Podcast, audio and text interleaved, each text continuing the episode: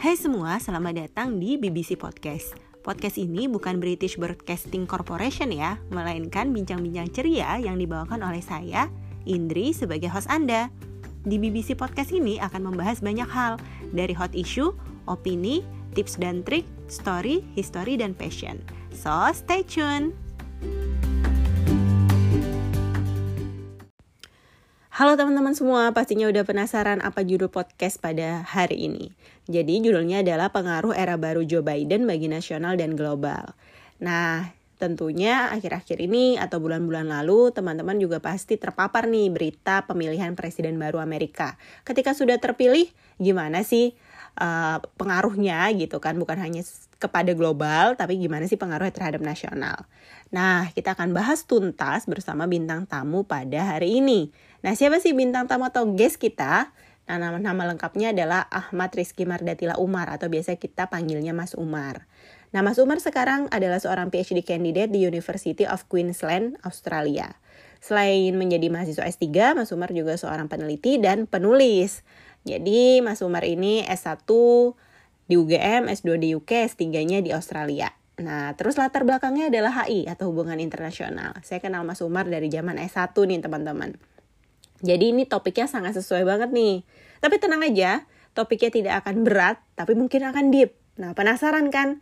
Apa sih kebijakan barunya? Apakah ada perubahan? Apakah beasiswa akan bertambah nih? Gitu kan ya ketika di era baru ini. Nah, sebelum masuk saya akan memberikan beberapa fakta terlebih dahulu. Oke, jadi saya akan menyampaikan beberapa fakta yang tentunya berkaitan dengan judul kita pada hari ini, pengaruh era baru Joe Biden bagi nasional dan global. Ada beberapa perubahan kebijakan dari politik, energi, sosial, ekonomi, dan lainnya semenjak Presiden baru Amerika Joe Biden menjabat. Berikut adalah beberapa faktanya. Yang pertama, Amerika akan kembali on the track nih dalam climate change mitigation berdasarkan Paris Agreement. Yang kedua, Amerika mencabut larangan travel ke negara-negara muslim. Yang ketiga, Amerika akan mengalokasikan investasi cukup besar untuk energi terbarukan. Yang keempat, Amerika akan serius menanggulangi pandemik. Dan yang kelima, atau yang terakhir nih, Amerika mengubah kebijakan bagi para imigran. Nah, kita akan bahas dengan beberapa pertanyaan dan juga diskusi mengenai topik ini. Jadi langsung aja. Oke teman-teman semua, selamat datang di BBC Podcast. Nah teman-teman pasti penasaran kan ya siapa sih bintang tamu kita? Sebelumnya kan udah dijelaskan nih tentang topik kita, habis itu tentang bagaimana fakta-fakta yang ada e, berkaitan dengan topik dan habis itu juga udah saya sebutkan guest kita. Nah tapi bakal lebih afdol nih kalau misalnya teman-teman dengar sendiri perkenalannya dari guest kita langsung. Ya Mas Umar apa kabar Mas Umar? Baik baik. Oke, Mas Umar ini sekarang lagi ada di Brisbane, gitu kan ya Mas Umar. Lagi musim apa nih sekarang? Lagi musim panas. Hari ini 35 derajat, terasa 40 derajat. Padahal ini bulan Februari ya. Bulan Februari harusnya memasuki uh, fall, autumn ya. Tapi nggak ada autumn, nggak ada nggak ada winter kalau di Brisbane. Adanya antara summer sama antara spring ya, Mas ya. Oke, nah sekarang mungkin dari Mas Umar ini uh, perkenalan langsung aktivitasnya sekarang apa dan mungkin background studinya apa atau misalnya lagi sibuk ngapain aja sih selama ini Mas. Nah, mungkin bisa dimulai. Oke, jadi kenalan dulu ya. Saya Umar. Kebetulan uh, nama lengkap saya Ahmad Rizky Margatila Umar. Saya kuliah S3 di jurusan hubungan internasional di University of Queensland di Brisbane. Um, apalagi ya? Kalau dulu sebelum S3 saya sempat jadi peneliti di Pusat Studi ASEAN UGM. Terus kemudian um, lulus S1 di uh, jurusan hubungan internasional di UGM, Universitas Gajah Mada, dan S2 di University of Sheffield di Inggris. Gitu mungkin Mbak Indri. Itu semua inline ya Mas? Maksudnya S1, S2, S3 inline atau misalnya ada benang merah antara misalnya penelitian atau latar belakang studi dari S1 hingga S3? Kalau inline sih enggak juga, cuma memang S1 sampai S3-nya HI. S1 saya lebih banyak meneliti tentang gerakan Islam. Nah, S2 dan S3 ini yang saya meneliti tentang uh, politik uh, sejarah dan politik di Asia. S2 saya tentang uh, apa tesis S2 saya tentang uh, sejarah asal usul negara bangsa di Asia Tenggara. S3 ini penelitian saya tentang asal usul ide tentang Asia dalam politik internasional. Oke, Tapi berarti S1 naik S3, ya, Mas? Uh, naik ya loka maksudnya dari eh, misalnya gerakan ketika gerakan Islam di Indonesia S1, S2 ASEAN, S3 Asia gitu. Jadi ya, ya kurang lebih naik. begitulah. Oke, siap. Uh, kalau nggak salah juga penulis lepas ya, kontributor ya Mas ya. Kontributor di mana kalau boleh tahu? Uh, saya kebetulan tiap bulan menulis uh, artikel di Indo Progress untuk uh, rubrik Tabayun Siap. Mungkin bisa dikasih tahu ke rekan-rekan semua, teman-teman semua, setiap apa gitu munculnya. Nah, kalau saya menulis di Indo Progress itu setiap hari Jumat. Uh, jangan tanya minggunya kapan, karena itu random. Maksudnya itu uh, tergantung uh, apa namanya redaksi. Tapi biasanya saya menulis sekitar minggu pertama atau minggu kedua di setiap bulan. Setiap hari Jumat. Nah, okay. itu spesial tulisan-tulisan saya tentang Islam.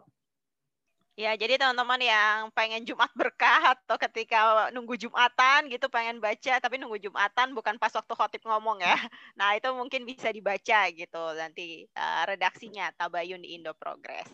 Oke, tadi seperti yang udah disampaikan di awal, topik kita ini menarik nih karena juga sangat viral dan hype gitu kan tentang presiden baru Amerika. Siapa sih yang nggak tahu pemilihan presiden kemarin Joe Biden akhirnya keluar jadi pemenang dengan Kamala Harris dan ini menjadi transisinya juga cukup uh, membuat para wartawan atau misalnya dari negara-negara lain juga akhirnya memberitakan gitu. Nah, kalau dari Mas Umar sendiri tanggapannya bagaimana sih transisi yang terjadi nih dari kepemimpinan Trump ke Joe Biden? Terus faktor apa sih yang membuat masyarakat Amerika itu akhirnya banyak yang memilih Joe Biden walaupun kita tahu persentasenya ya bisa dibilang nggak terlalu signifikan lah gitu. Hmm, jadi ini menarik. Jadi Trump dan Biden ini sebenarnya wajah dari dua sisi berbeda dari Amerika Serikat jadi sebenarnya Trump itu adalah wajah dari sisi Amerika yang istilahnya itu konservatif. Mereka yang uh, apa namanya masyarakat Amerika yang mayoritas uh, berada di daerah selatan Amerika, di daerah negara bagian Alabama, Mississippi, Florida, Texas. Nah, itu adalah wajah wajah uh, Amerika yang dalam beberapa hal sangat religius sangat tanda kutip keterikatan dengan agama Kristennya itu kuat. Terus kemudian mereka juga uh, apa namanya adalah para petani dulunya dan yang ketiga adalah mereka punya uh, sentimen yang agak sedikit bukan agak sedikit lagi agak banyak juga juga juga banyak uh, negatif terhadap orang uh, orang-orang imigran dan uh, kulit hitam di Amerika Serikat. Nah, itu wajah yang diwakili oleh Trump. Sementara uh, Biden ini berasal dari utara. Dia senator dari Delaware, negara bagian di bagian utara di perbatasan Kanada. Yang itu adalah orang-orang yang uh, di sana kelas menengah, uh, terus kemudian kota-kota di sana juga metropolis, daerah sekitar New York, Chicago, uh, California itu daerah uh, San Francisco dan Los Angeles itu adalah orang-orang yang kelas menengah dan banyak kemudian bekerja di uh, industri dan sektor perbankan. Nah, ini wajah yang lebih toleran, yang lebih multikultur lah, dan wajah Amerika yang sering dicitrakan ke mana-mana itu sebagai wajah demokrasi Amerika. Nah, ini sebenarnya dua figur yang yang bertarung di Amerika Serikat setiap kali pemilihan umum pasti akan ada dua figur ini yang kemudian muncul. Dulu ketika zamannya sebelum Trump, Trump itu melawan uh, Hillary Clinton yang mana dia uh, senator dari New York. Kemudian uh, ada dulu dengan Bush, Bush itu mantan gubernur Texas. Nah, itu juga adalah representasi dari apa namanya orang-orang Amerika di selatan yang konservatif. Nah, itu sebenarnya yang terjadi di apa namanya di pemilu sekarang Nah, di dua pemilu terakhir, di tahun 2016 dan tahun 2020, pertempuran atau pertarungan dari dua kelompok ini sangat kuat. Karena Amerika kan juga awalnya krisis ekonomi.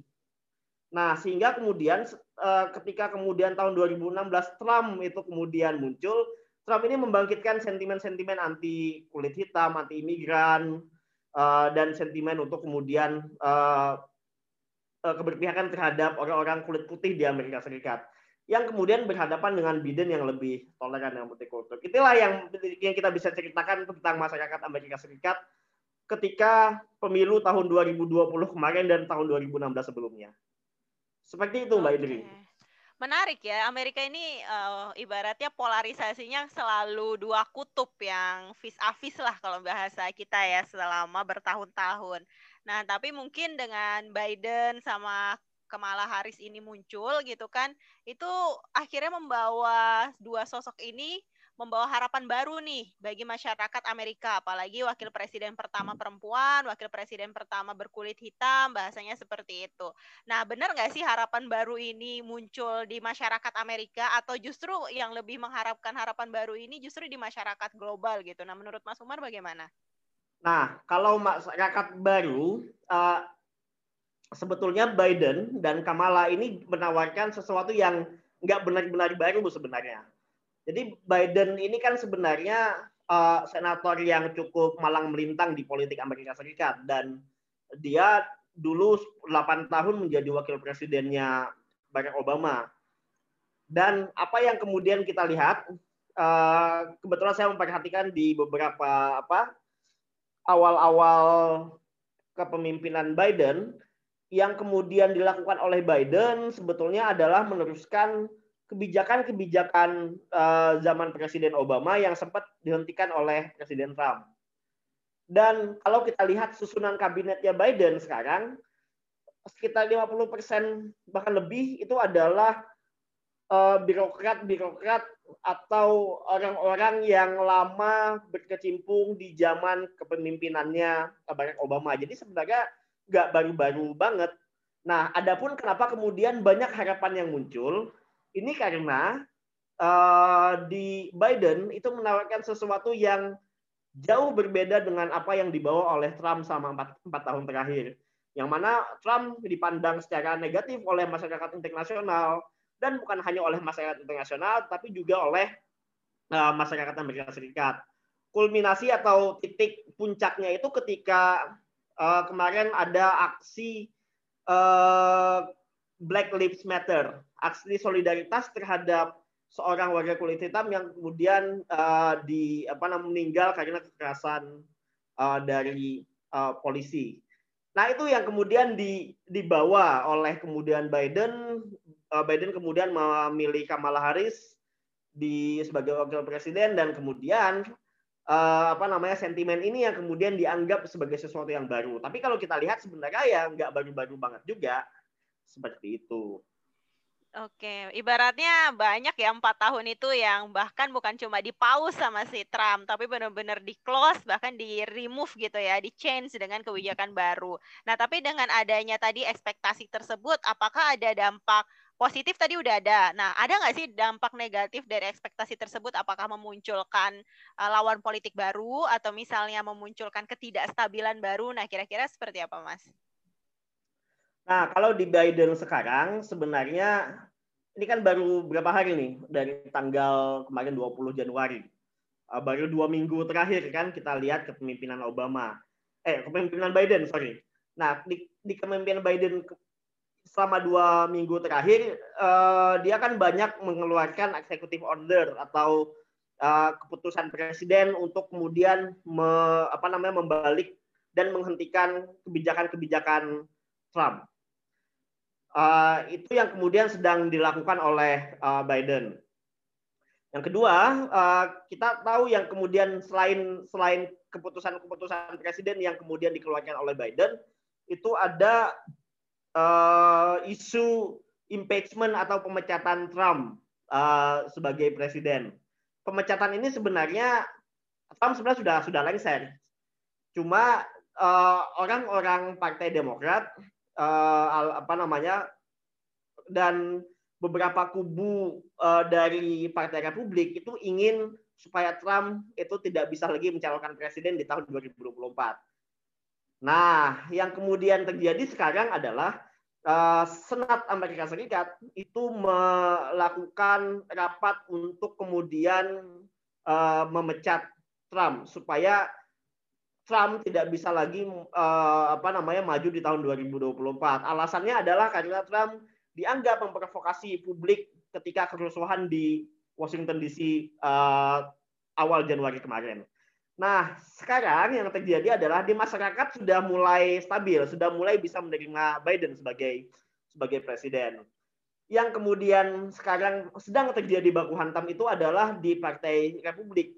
Karena beberapa kubu di Partai Republik uh, seperti Liz Cheney dan Mitt Romney uh, beberapa kubu moderat di Partai Republik itu ingin memecat Trump. Sementara uh, kawan-kawan politiknya Trump di, di Partai Republik itu tetap nggak mau untuk kemudian terjadi pemecatan. Nah, sekarang sedang ada dinamika internal di Partai Republik. Tapi sejauh ini ya di masyarakat uh, apa namanya keputusan Presiden Biden sudah jalan dan uh, apa namanya tinggal kemudian sejauh mana uh, Biden itu bisa konsisten. Seperti itu. Oke, Mas. Nah, mungkin kalau misalnya dari aku pribadi sih merhatiinnya yang lagi hype ya justru di bidang climate change, di bidang energi atau lingkungan ya. Kalau misalnya dilihat akhir-akhir ini eh, banyak berita tentang Biden pengen Amerika on the track lagi di uh, pemenuhan Paris Agreement gitu. Habis itu juga uh, nanti ke depannya Biden akan invest besar-besaran di renewable energy dan membasmi bukan membasmi ya ibaratnya benar-benar menekan energi fosil gitu. Nah, terus uh, tapi di luar isu lingkungan itu kan juga banyak nih kebijakan-kebijakan selain yang tadi Mas uh, Umar sebut juga ada kebijakan tentang imigran gitu, juga tentang muslim. Nah, untuk yang minoritas-minoritas gitu. Nah, kira-kira kalau bisa di-highlight gitu uh, ibaratnya empat kebijakan yang sangat signifikan atau misalnya yang lagi banyak dibahas orang di masa pemimpinan Biden ini apa sih, Mas? Yang pertama tadi sudah disebut sama Indri soal climate change. Jadi salah satu keputusan Biden yang pertama adalah mengembalikan Amerika sebagai anggota dari uh, Paris Agreement. Uh, jadi Paris Agreement itu adalah uh, apa namanya konferensi global untuk uh, membahas isu uh, perubahan iklim dan apa namanya emisi karbon. Nah, Trump dulu tahun lalu itu sudah menyatakan Amerika keluar dari Paris Agreement karena Amerika termasuk orang yang tidak percaya ada climate change. Uh, salah satu janji kampanye Obama dan kemudian sudah sudah dilaksanakan melalui executive order itu adalah mengembalikan uh, apa namanya Amerika dalam Paris Agreement untuk kemudian Amerika terlibat dalam uh, apa namanya is, uh, penyelesaian masalah climate change secara global. Itu yang pertama salah satu yang pertama kali dilakukan oleh Obama. Komitmen itu dibuktikan dengan uh, Obama kemudian melantik seorang utusan khusus atau special envoy untuk uh, masalah perubahan iklim yang sekarang uh, tidak tanggung-tanggung itu di apa dijabat oleh mantan Menteri Luar Negeri Amerika Serikat uh, John Kerry. Nah, uh, ini yang kemudian dilakukan oleh uh, Amerika. Apakah itu kemudian serius? Ya nanti kita lihat sejauh mana kemudian Amerika itu kemudian punya komitmen untuk menekan uh, emisi karbon di, di industri dalam negeri. Tapi sebagai awalan, oke okay lah kita bisa bisa bilang ini kebijakan yang cukup bagus yang dibikin oleh Biden. Uh, itu ke, ke, ke apa namanya kebijakan pertama. Kebijakan kedua adalah uh, Biden me, apa namanya menghapuskan kebijakan Trump untuk kemudian membatasi orang-orang dari negara tertentu, yang mana negara tertentu ini adalah mayoritas negara-negara uh, apa namanya Afrika dan Timur Tengah untuk kemudian masuk ke Amerika Serikat. Tahun 2017 saya masih ingat uh, waktu itu kebijakan Muslim ban, Muslim travel ban ini kemudian pertama kali dibikin uh, oleh Trump. Dan hasilnya banyak uh, peneliti-peneliti dan ilmuwan-ilmuwan dari uh, negara-negara Timur Tengah dan Afrika itu tidak bisa masuk ke Amerika Serikat untuk conference. Nah, ini kan kebijakan yang apa namanya banyak bermasalah. Dan ini sudah sudah di apa namanya dianulir oleh oleh Biden. Kebijakan ketiga yang ini sedang dilakukan oleh Biden adalah me, apa namanya membatalkan kebijakan uh, anti pengungsi anti imigran dari Trump terutama terkait dengan uh, perbatasan di Meksiko. Nah, ini sedang uh, apa namanya pembuatan tembok yang dibikin oleh Trump di perbatasan Meksiko itu kemudian sudah dibatalkan dan Biden juga bikin satu kebijakan tentang uh, skema kewarganegaraan bagi anak-anak imigran yang dia sebenarnya orang tuanya sebenarnya tidak punya hak tinggal tetapi dia sudah punya uh, apa namanya sudah tinggal di Amerika Serikat sudah bertahun-tahun. Nah, Biden sedang sedang me, apa namanya merumuskan skema kewarganegaraan yang cukup baru. Itu beberapa kebijakan. Kebijakan yang lain itu juga terkait dengan uh, apa namanya dengan renewable uh, oh sorry bukan renewable energi satu paket dengan kebijakan climate change terkait dengan penanggulangan pandemi. Nah, hari kedua kemarin uh, Trump, eh sorry bukan Trump, Biden itu uh, melalui uh, apa namanya juru bicara kepresidenan itu juga sudah mengundang dan kemudian memberikan kesempatan kepada Dr. Anthony Fauci, ketua uh, tim medis uh, apa namanya uh, kepresidennya Amerika Serikat untuk kemudian melakukan uh, daily briefing terkait dengan pandemi dan kemudian uh, Biden juga sudah mulai memperlakukan kebijakan penggunaan masker secara secara masif. Tentu kebijakan-kebijakan seperti ini yang mungkin bagi beberapa orang dirasa progresif, tapi di beberapa orang, terutama orang-orang yang tidak percaya dengan perubahan iklim, yang tidak percaya dengan COVID-19 itu juga akan tidak setuju. Dan banyak kemudian uh, apa namanya orang-orang di Amerika Serikat yang juga menentang ini. Tapi ya itu empat, empat kebijakan yang sekarang sudah dilaksanakan oleh uh, Biden dan kemudian ini sedang menunggu proses legislasi. Jadi untuk mengesahkan beberapa kebijakan ini menjadi undang-undang. Tentu nanti akan ada dinamika lagi di uh, DPR-nya Amerika Serikat dan di Senat. Kayak gitu, Ndri. Oke.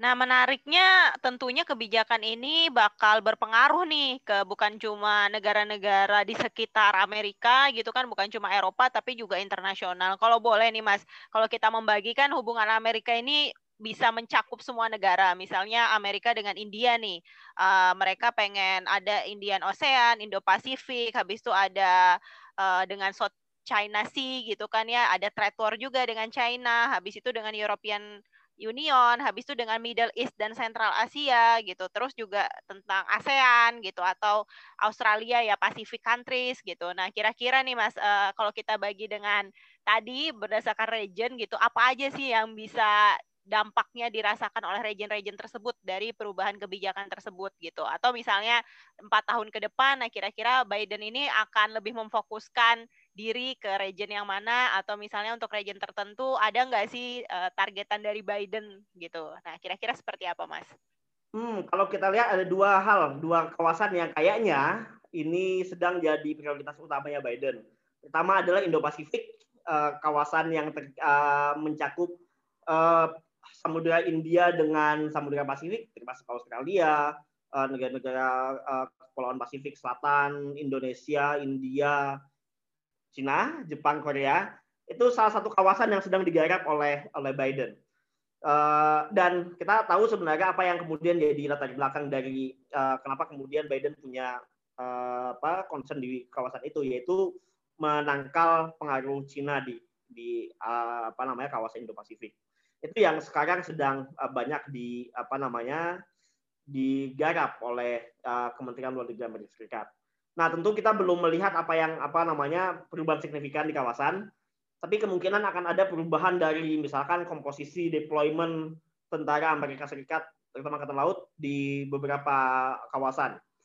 Karena sekarang uh, dari Obama sih sebetulnya Amerika sudah sudah meng, apa namanya mengubah uh, salah satu komando sentral untuk militer Amerika Serikat itu ke wilayah Indo-Pasifik. Dan itu uh, banyak di apa namanya di uh, kebijakannya didorong oleh Angkatan Laut Amerika Serikat. Nah, selain itu juga kita mungkin akan bisa melihat bahwa Biden sepertinya akan meneruskan beberapa warisan kebijakan Obama di Timur Tengah. Salah satunya mungkin yang sekarang orang sedang banyak membicarakan adalah Iran, karena Iran eh, apa namanya oleh Trump banyak dikenai sanksi, eh, baik itu secara ekonomi maupun secara politik. Nah, kita kayaknya Biden mungkin akan sedikit memperbaiki eh, apa namanya hubungan dengan Iran, Terus kemudian dengan yang jelas dilakukan oleh Obama adalah menghentikan bantuan militer untuk kemudian untuk operasi militer di Yaman. Karena uh, Trump dulu di apa namanya masa kepemimpinannya itu mendukung invasi Arab Saudi ke Yaman. Nah, ini juga sedang digarap oleh uh, Biden. Terlihat dari uh, kalau kita lihat komposisi kabinetnya, uh, direktur CIA itu adalah diplomat senior uh, untuk Timur Tengah, uh, Anthony Burns. Kemudian uh, uh, apa namanya di uh, Menteri Pertahanan sekarang uh, Lloyd Austin itu adalah mantan uh, apa namanya komandan Central Command uh, yang mencakup wilayah uh, Middle East atau wilayah Timur Tengah. Nah ini ini kayaknya dua dua kawasan ini nih yang kemudian sedang digarap oleh oleh uh, Biden tentu uh, apa namanya ada beberapa aliansi strategis Amerika Serikat Inggris, Uni Eropa, negara-negara Eropa terutama Jerman itu kan sebenarnya aliansi strategisnya Amerika Serikat. Australia, Jepang terutama itu juga ah, aliansi strategisnya Amerika Serikat. Itu yang sekarang sedang digarap. Apakah ada perubahan nanti kita lihat nanti apa akan perubahan apa yang kemudian akan dilakukan oleh oleh Biden ke depan. Oke. Seperti itu. Tadi kalau Indo-Pasifik pastinya ASEAN sama Indonesia masuk nih Mas. Nah, kira-kira Indonesia ini akan terdampak seperti apa dari kebijakan Biden ini? Terutama juga kita tahu kan ada US Indonesia Strategic Partnership gitu bahasanya. Nah, kira-kira gimana tuh? Adakah pengaruhnya atau misalnya ada dampak positif dan negatifnya enggak untuk Indonesia atau negara-negara ASEAN? Mungkin yang lebih spesifik gitu. Mas. Kalau Indonesia, um, kalau dampak positif mungkin akan banyak bantuan uh, bisa jadi terkait dengan penanggulangan COVID-19 atau mungkin uh, bantuan-bantuan uh, militer. Kemarin Prabowo juga sudah apa namanya Menteri Pertahanan Indonesia kan kemarin sudah apa namanya melakukan lawatan uh, ketika kepemimpinan Trump. Dan bisa jadi akan ada kemungkinan uh, Trump mungkin eh Biden itu mungkin akan melakukan perbaikan di kerjasama pertahanan dan keamanan. Uh, salah satu hal yang kemudian juga akan kena dampak bisa jadi adalah uh, apa namanya Biden ini punya salah satu ciri khas uh, apa namanya kebijakannya sangat concern terhadap uh, apa namanya HAM dan uh, demokratisasi. Saya jadi nanti akan ada uh, sedikit kondisionalitas atau sedikit uh, aturan main yang diberikan oleh uh, Biden ketika melakukan hubungan kerjasama dengan negara-negara ASEAN ya salah satunya terkait dengan HAM dan demokrasi. Main ketika ada kudeta di Myanmar kan Biden langsung bikin uh, statement dan itu bagian dari statement pertama dia untuk menjelaskan politik luar Amerika Serikat. Artinya uh, komitmen terhadap HAM dan demokratisasi itu akan menjadi uh, apa namanya core concern dari uh, kebijakan Biden. Tentu Indonesia akan sedikit terpengaruh oleh ini. Tapi ke depan ya kita akan lihat karena Indonesia sejauh ini juga sedang menjaga jarak karena politik luar Indonesia selalu ber, apa mengayuh di atas di antara dua karang kan. Dan yang terjadi kemudian adalah apa namanya Indonesia sedang menjaga hubungan baik dengan Cina, menjaga hubungan baik juga dengan Amerika Serikat. Tapi apakah ini akan kemudian punya dampak uh, ke depan lebih lanjut bagi kita lihat nanti sejauh mana. Oke. Nah ini menarik ya tadi juga kita juga nggak tahu ya ibaratnya sekarang masih forecasting dan ibaratnya baru pekan kedua nih dari kebijakan atau dari masa kepres masa jabatannya si Biden ini. Nah tapi kalau misalnya tadi menarik mas soal minoritas mungkin terakhir ya kita bahas minoritas. Minoritas ini kan nggak cuma masalah agama dan ras ya, tapi juga banyaklah minoritas dan setiap region atau setiap negara itu kan minoritasnya beda-beda gitu. Mungkin kita bisa bilang kalau misalnya antara Israel dan Palestina entah siapa yang minoritas gitu kan atau misalnya di Sri Lanka ada Rohingya, tapi kita juga bisa bilang kalau misalnya eh, minoritas-minoritas yang lain nggak cuma Muslim misalnya ada ras lain, ada agama lain. Nah dengan isu minoritas ini Amerika akan berperan uh, apakah akan memihak atau misalnya akan menjadi penengah. Nah, kira-kira akan seperti apa tuh, Mas? Kalau terkait salah satu hal yang jadi tadi sudah uh, sedikit saya singgung, kebijakan luar negerinya Amerika Serikat akan sangat fokus dengan HAM. Artinya perlindungan terhadap minoritas, minoritas kan bisa bisa dalam minoritas Uyghur di uh, Tiongkok, minoritas Rohingya di Myanmar, uh, minoritas Ahmadiyah uh, di Indonesia misalkan atau minoritas uh, apa namanya uh, yang lain di uh, minoritas Syiah misalkan di Arab Saudi itu juga juga uh, bagian dari uh, concern kebijakan luar negeri Biden yang bisa jadi akan dilakukan oleh Biden adalah mereka akan memprioritaskan perlindungan HAM terhadap kelompok-kelompok uh, minoritas itu supaya tidak di apa namanya di uh, oleh uh, uh, negara. Tentu ini juga hambatannya banyak karena nggak semua negara itu tunduk kepada Amerika Serikat terkait dengan apa namanya HAM dan uh, apa namanya perlindungan terhadap minoritas. Tapi bisa jadi nanti mungkin dalam banyak hal uh, kampanye terhadap perlindungan terhadap minoritas itu mungkin akan banyak digaungkan, terutama kalau di Amerika Serikat itu melalui USA, uh, United States Agency for International Development, yang memang mengurus terkait dengan bantuan-bantuan internasional Amerika Serikat. Kalau kita lihat di kebijakan uh, Presiden Clinton dan Obama, uh, isu HAM dan perlindungan salah satunya terhadap perlindungan terhadap minoritas itu adalah bagian dari kondisionalitas atau bagian dari syarat-syarat yang diberikan oleh Amerika Serikat ketika melakukan bantuan internasional. Ada kemungkinan bantuan internasional juga akan didorong uh, dengan instrumen HAM ini, tapi ini lagi-lagi akan sangat tergantung terhadap kekuatan Amerika Serikat. Kalau Amerika Serikat bisa meyakinkan uh, penerima-penerima bantuan, ya mungkin akan ada perlindungan terhadap minoritas yang lebih kuat dan Indonesia dituntut untuk uh, melakukan kompromi terhadap itu. Tapi kalau misalkan ternyata tidak begitu kuat, ya bisa jadi uh, perlindungan terhadap minoritas akan berubah strategi. Nah, mari kita lihat nanti se dalam satu tahun atau 100 hari lah ke depan nanti gimana. Karena kita baru dua minggu kan dan belum ada executive order terkait dengan itu. Oke, ini paling terakhir Mas, mungkin yang ditunggu-tunggu oleh mahasiswa ya. Kita tahu ya zamannya Trump itu beasiswa uh, ke Amerika itu dipotong tuh, misalnya Fulbright yang awalnya kuota sekian dipotong jadi sekian, semakin susah. Nah, kira-kira ada harapan baru nggak nih buat para scholarship hunter uh, untuk beasiswa ke Amerika bakal kembali lagi kuotanya? Nah, kira-kira ada nggak Mas? bisa jadi ada, tapi ini tergantung apakah Amerika bisa melakukan pemilihan pemulihan ekonomi atau enggak. Karena itu kan tergantung dengan seberapa besar anggaran yang diberikan kepada uh, Fulbright kan uh, terkait dengan anggaran dan anggaran ini sebenarnya sudah dipotong sebelum bahkan sebelum eranya Trump karena memang Amerika sedang melakukan penghematan anggaran.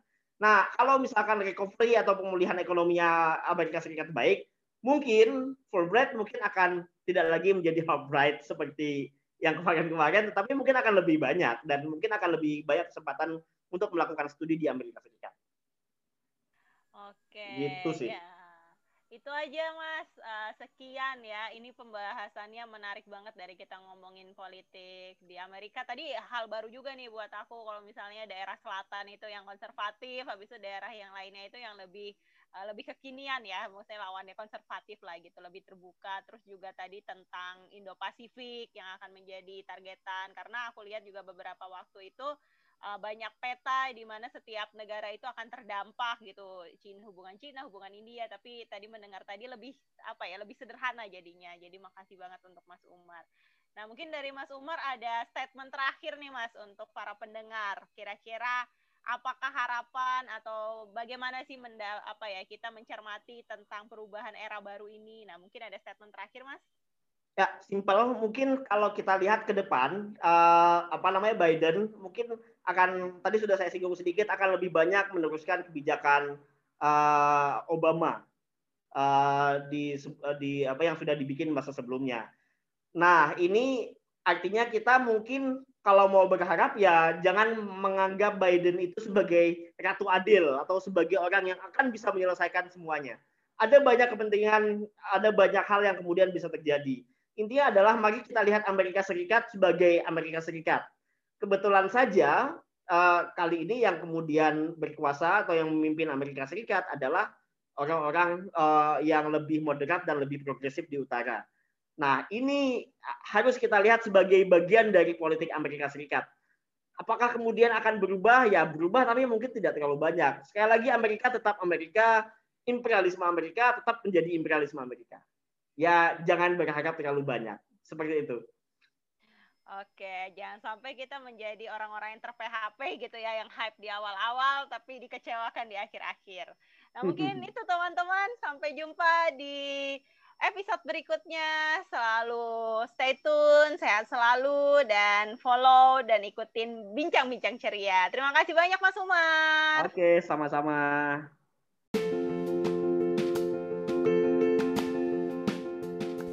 Thank you banget teman-teman semua udah mau dengerin podcast ini. Untuk update jangan lupa follow podcast kita di Twitter, Facebook page, dan juga Instagram. Bincang ceria. Tapi B-nya double ya. Terus jangan ketinggalan nih episode baru setiap hari Kamis alias malam Jumat jam 18.30 waktu Indonesia Barat. Sampai jumpa.